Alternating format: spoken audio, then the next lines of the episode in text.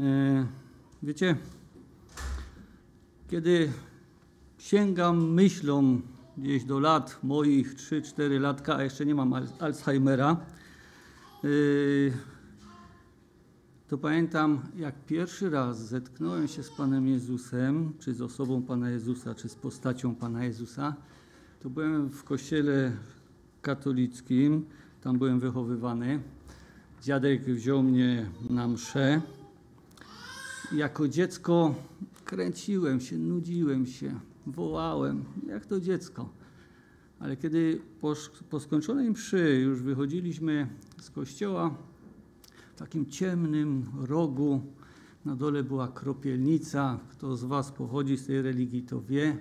A u góry był krucyfiks z postacią ukrzyżowanego człowieka.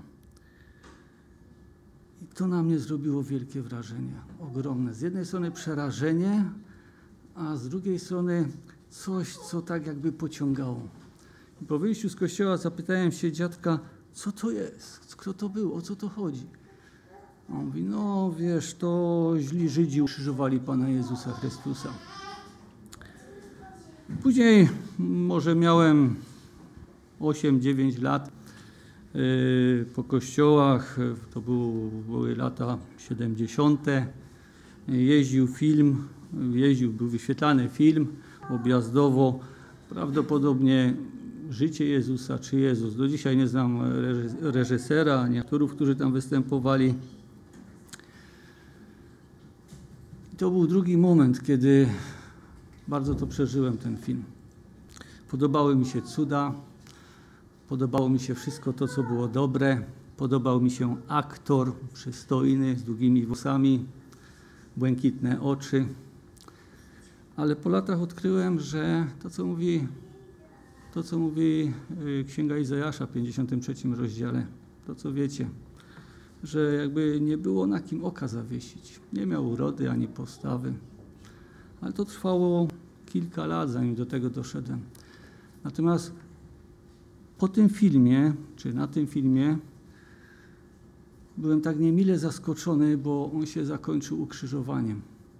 Jakby nie było dalej sensu. A przecież i w tym kościele, w którym byłem, obchodziliśmy zmartwychwstanie w, w kwietniu, na wiosnę. To jest taki wstęp. A teraz chciałbym przeczytać ze Słowa Bożego. Przepraszam, bo zapomniałem okularów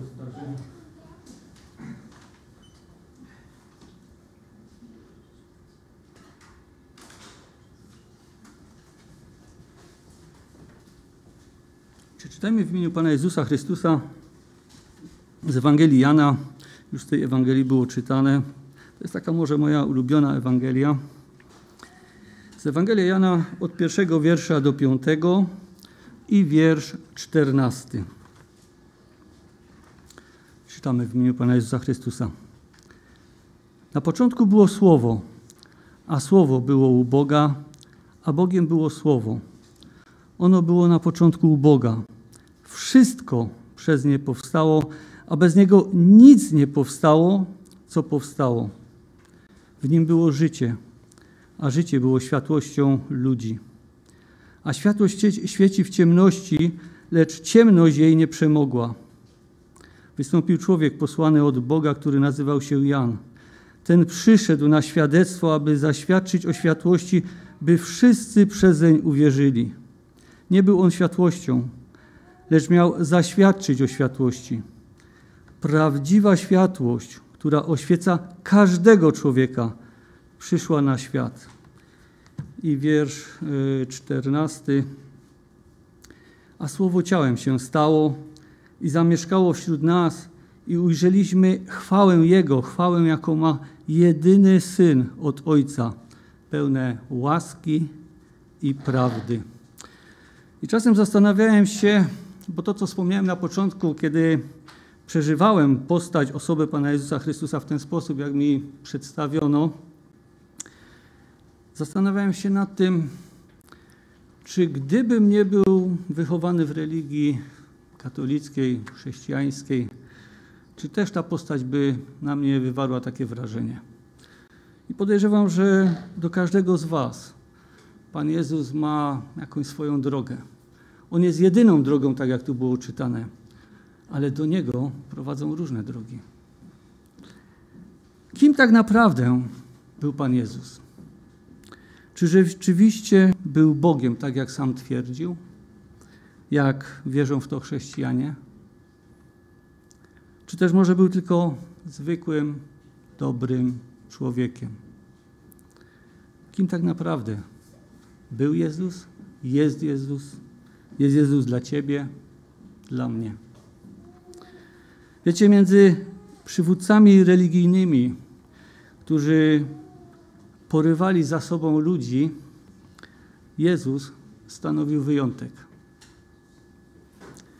Może nam się wydaje, czy myślimy, że przywódcy różnych religii światowych również wypowiadali o sobie takie wielkie jakieś zdania, płomienne słowa, ale jest to błędne przekonanie, bo tak po prostu nie było. Buddha nigdy nie twierdził, że jest Bogiem.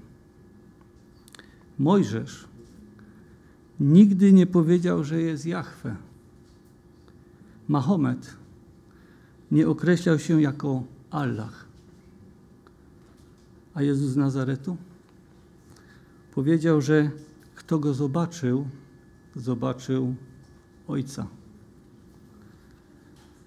I żeby nie być gołosłownym, to mamy to zapisane w Ewangelii Jana, 14 rozdział, 8-9 wiersz. Znamy tę historię, kiedy to Filip przyszedł i mówi: Panie, pokaż nam Ojca, a wystarczy nam. I odpowiedział mu Jezus: Tak długo jestem z wami i nie poznałeś mnie, Filipie?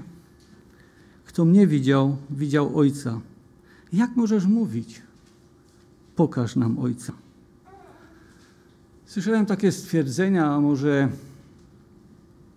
obserwacje, że wielu ludzi do różnych zborów wchodzi, szuka czegoś, szuka kogoś, może sami nie wiedzą, kogo szukają.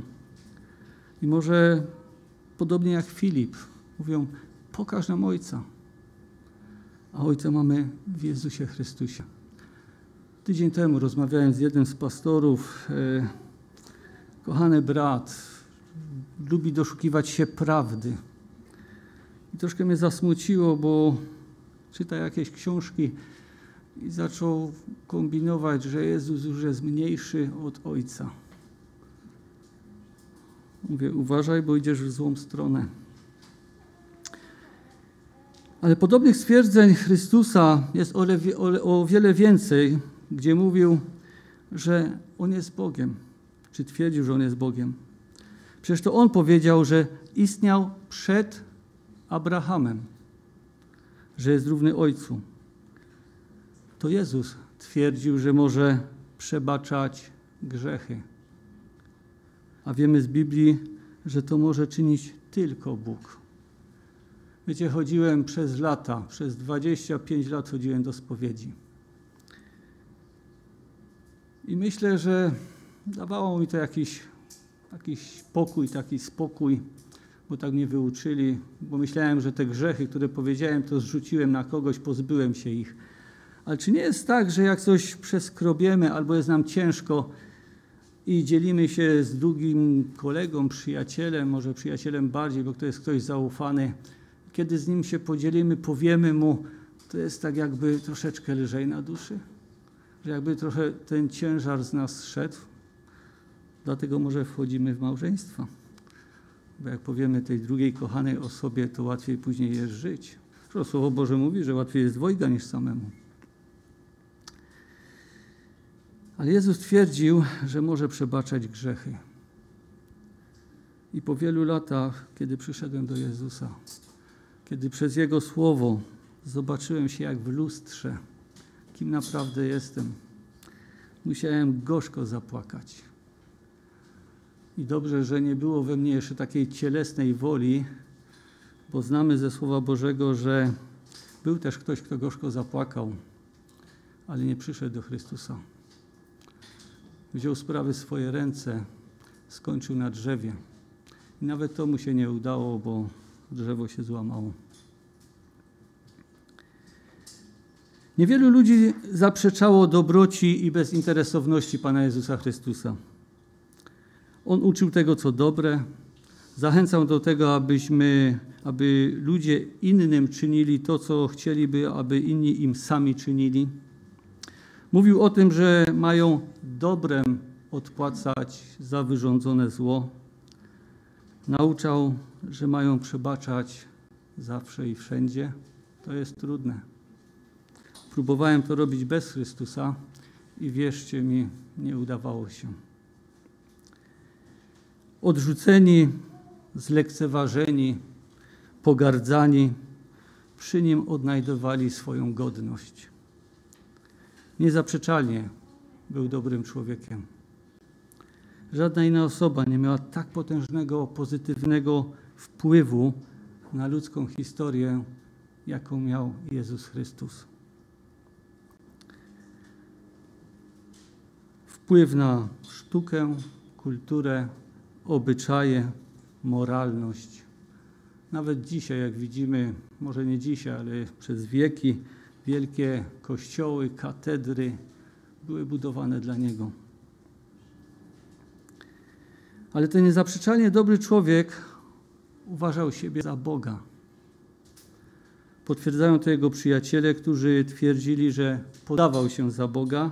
Co więcej, nawet wrogowie Jezusa z tego powodu doprowadzili do jego ukrzyżowania.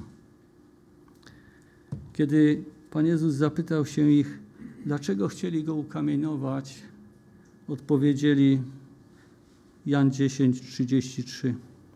Nie chcemy Cię ukamienować za dobry uczynek, ale za bluźnierstwo i za to, że Ty, będąc człowiekiem, czynisz siebie Bogiem. Wiecie, prawdziwie mądrzy ludzie są skromni. Co więc możemy sądzić o tym stwierdzeniu Pana Jezusa Chrystusa? Tak naprawdę to ktoś, kto odważyłby się dokonać takich stwierdzeń, musiałby być albo umysłowo chorym, albo oszustem. Chyba, że rzeczywiście jest Bogiem.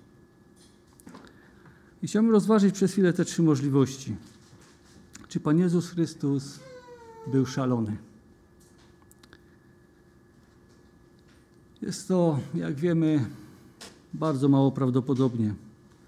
Żydzi nienawidzili, wręcz bali się ludzi obłąkanych. Wierzyli, że obłąkanie jest przekleństwem. Pamiętacie tego szaleńca z Ewangelii Marka z piątego rozdziału, który mieszkał w grobowcach, który rwał pęta? Jeśli Pan Jezus okazałby najmniejsze oznaki niezrównoważenia psychicznego, natychmiast byłby opuszczony. A Jezus przez trzy lata swojej publicznej służby był ciągle otaczany przez tłum ludzi, oczekujący od Niego cudów, uzdrowień, rozmów. Tak często był wśród ludzi, że nie miał dla siebie czasu. Nikt, kto miałby kłopoty psychiczne, nie wytrzymałby takiej presji. I nawet wrogowie Pana Jezusa nie zarzucali mu obłąkania. Tylko trzy razy Ewangelie pokazują, że ktoś ośmielił się powiedzieć, że Pan Jezus odszedł od zmysłów. Raz byli to jego krewni, być może zazdrośni albo ze strachu o jego popularność. Czytamy o tym w Ewangelii Marka, trzeci rozdział, 21 wiersz. Gdy o tym usłyszeli, przyszli, aby go pochwycić.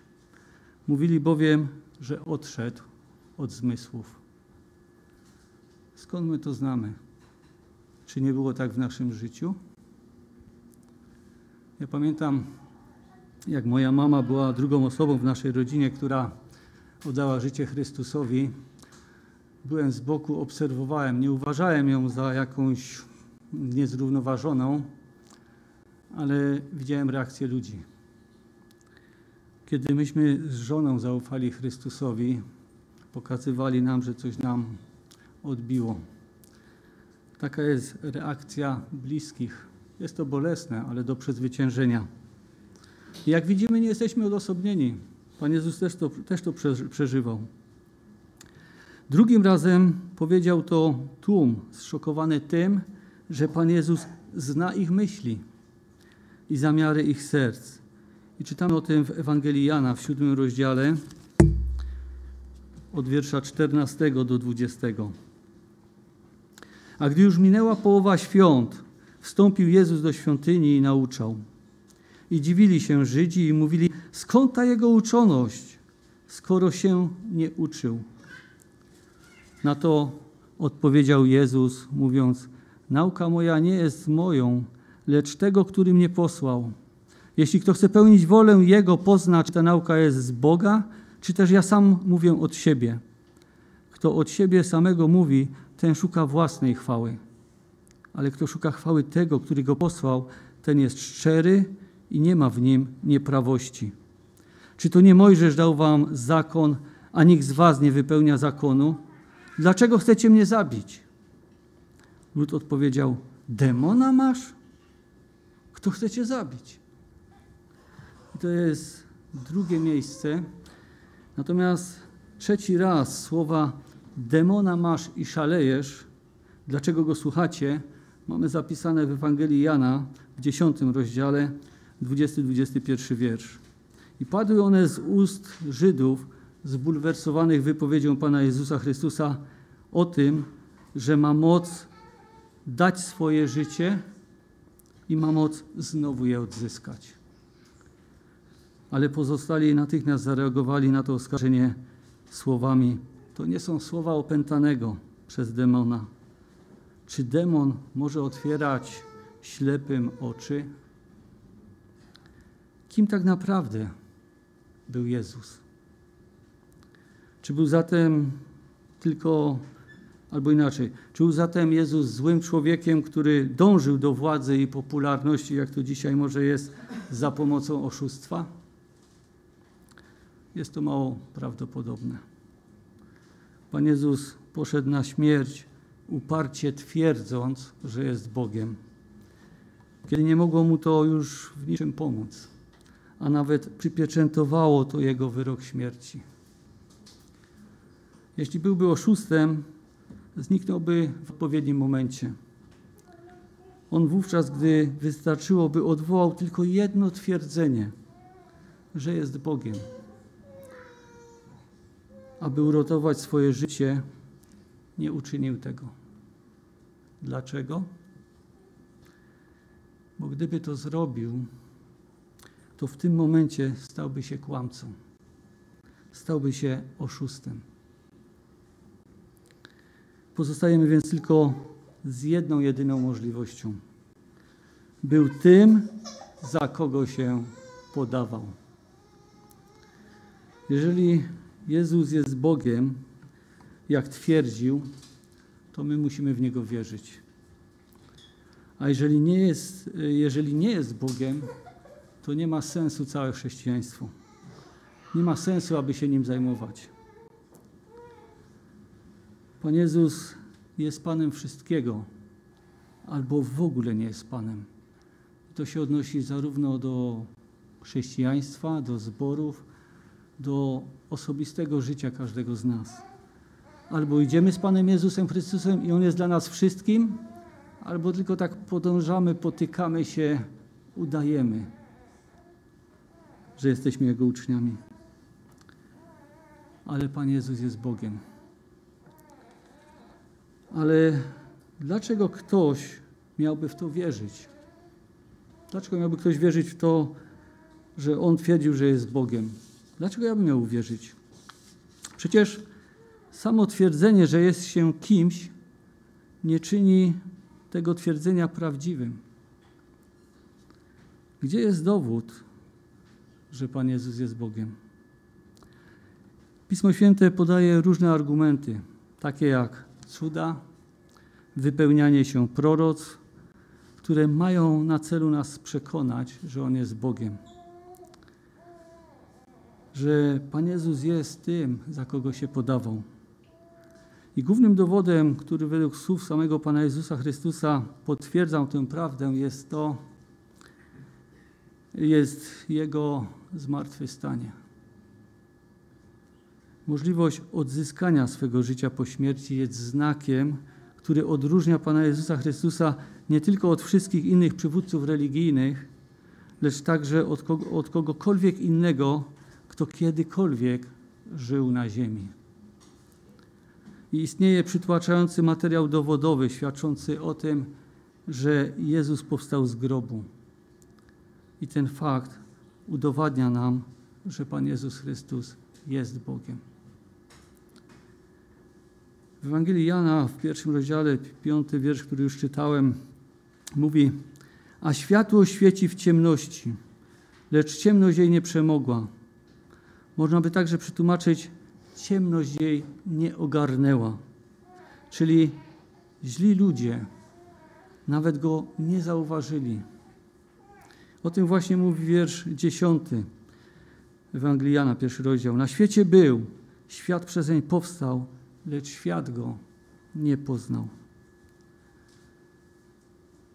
I dodaje wiersz jedenasty, do swej własności przyszedł, ale swoi go nie przyjęli. Nie rozpoznali, nie zwrócili na niego uwagi, nie przyjęli go.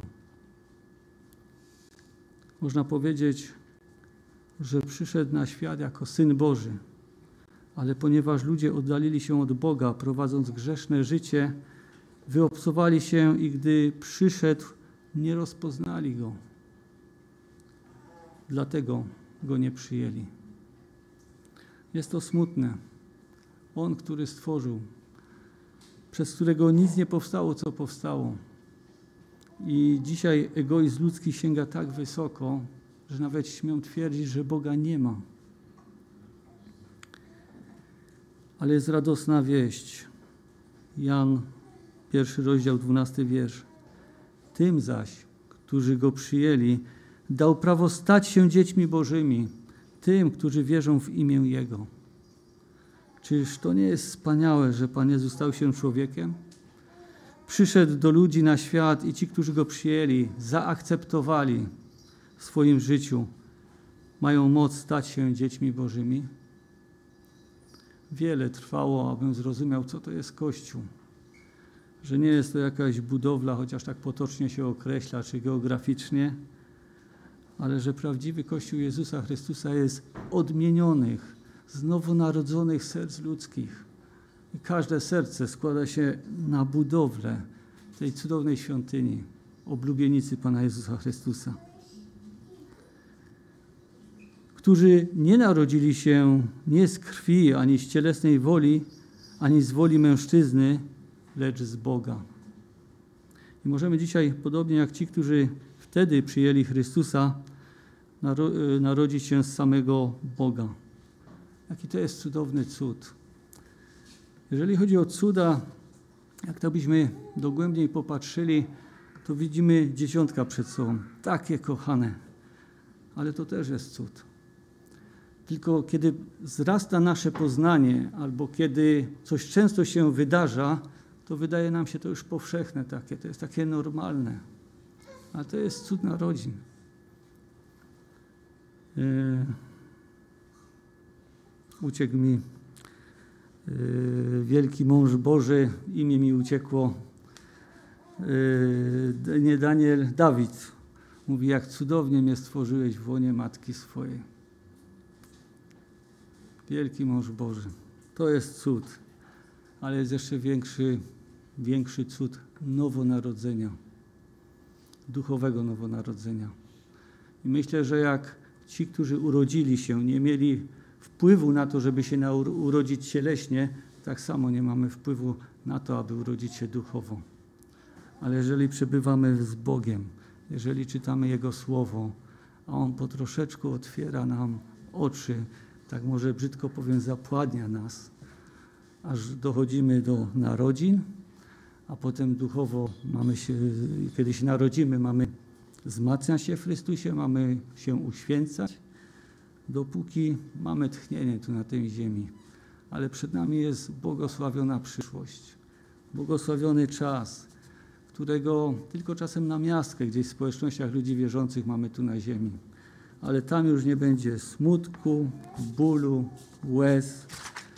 I chwała Bogu za to, że tak cudownie wszystko uczynił, że dał nam swoje słowo, abyśmy mogli się nim kierować, nie zboczyć. Chwała Panu za to nie będzie.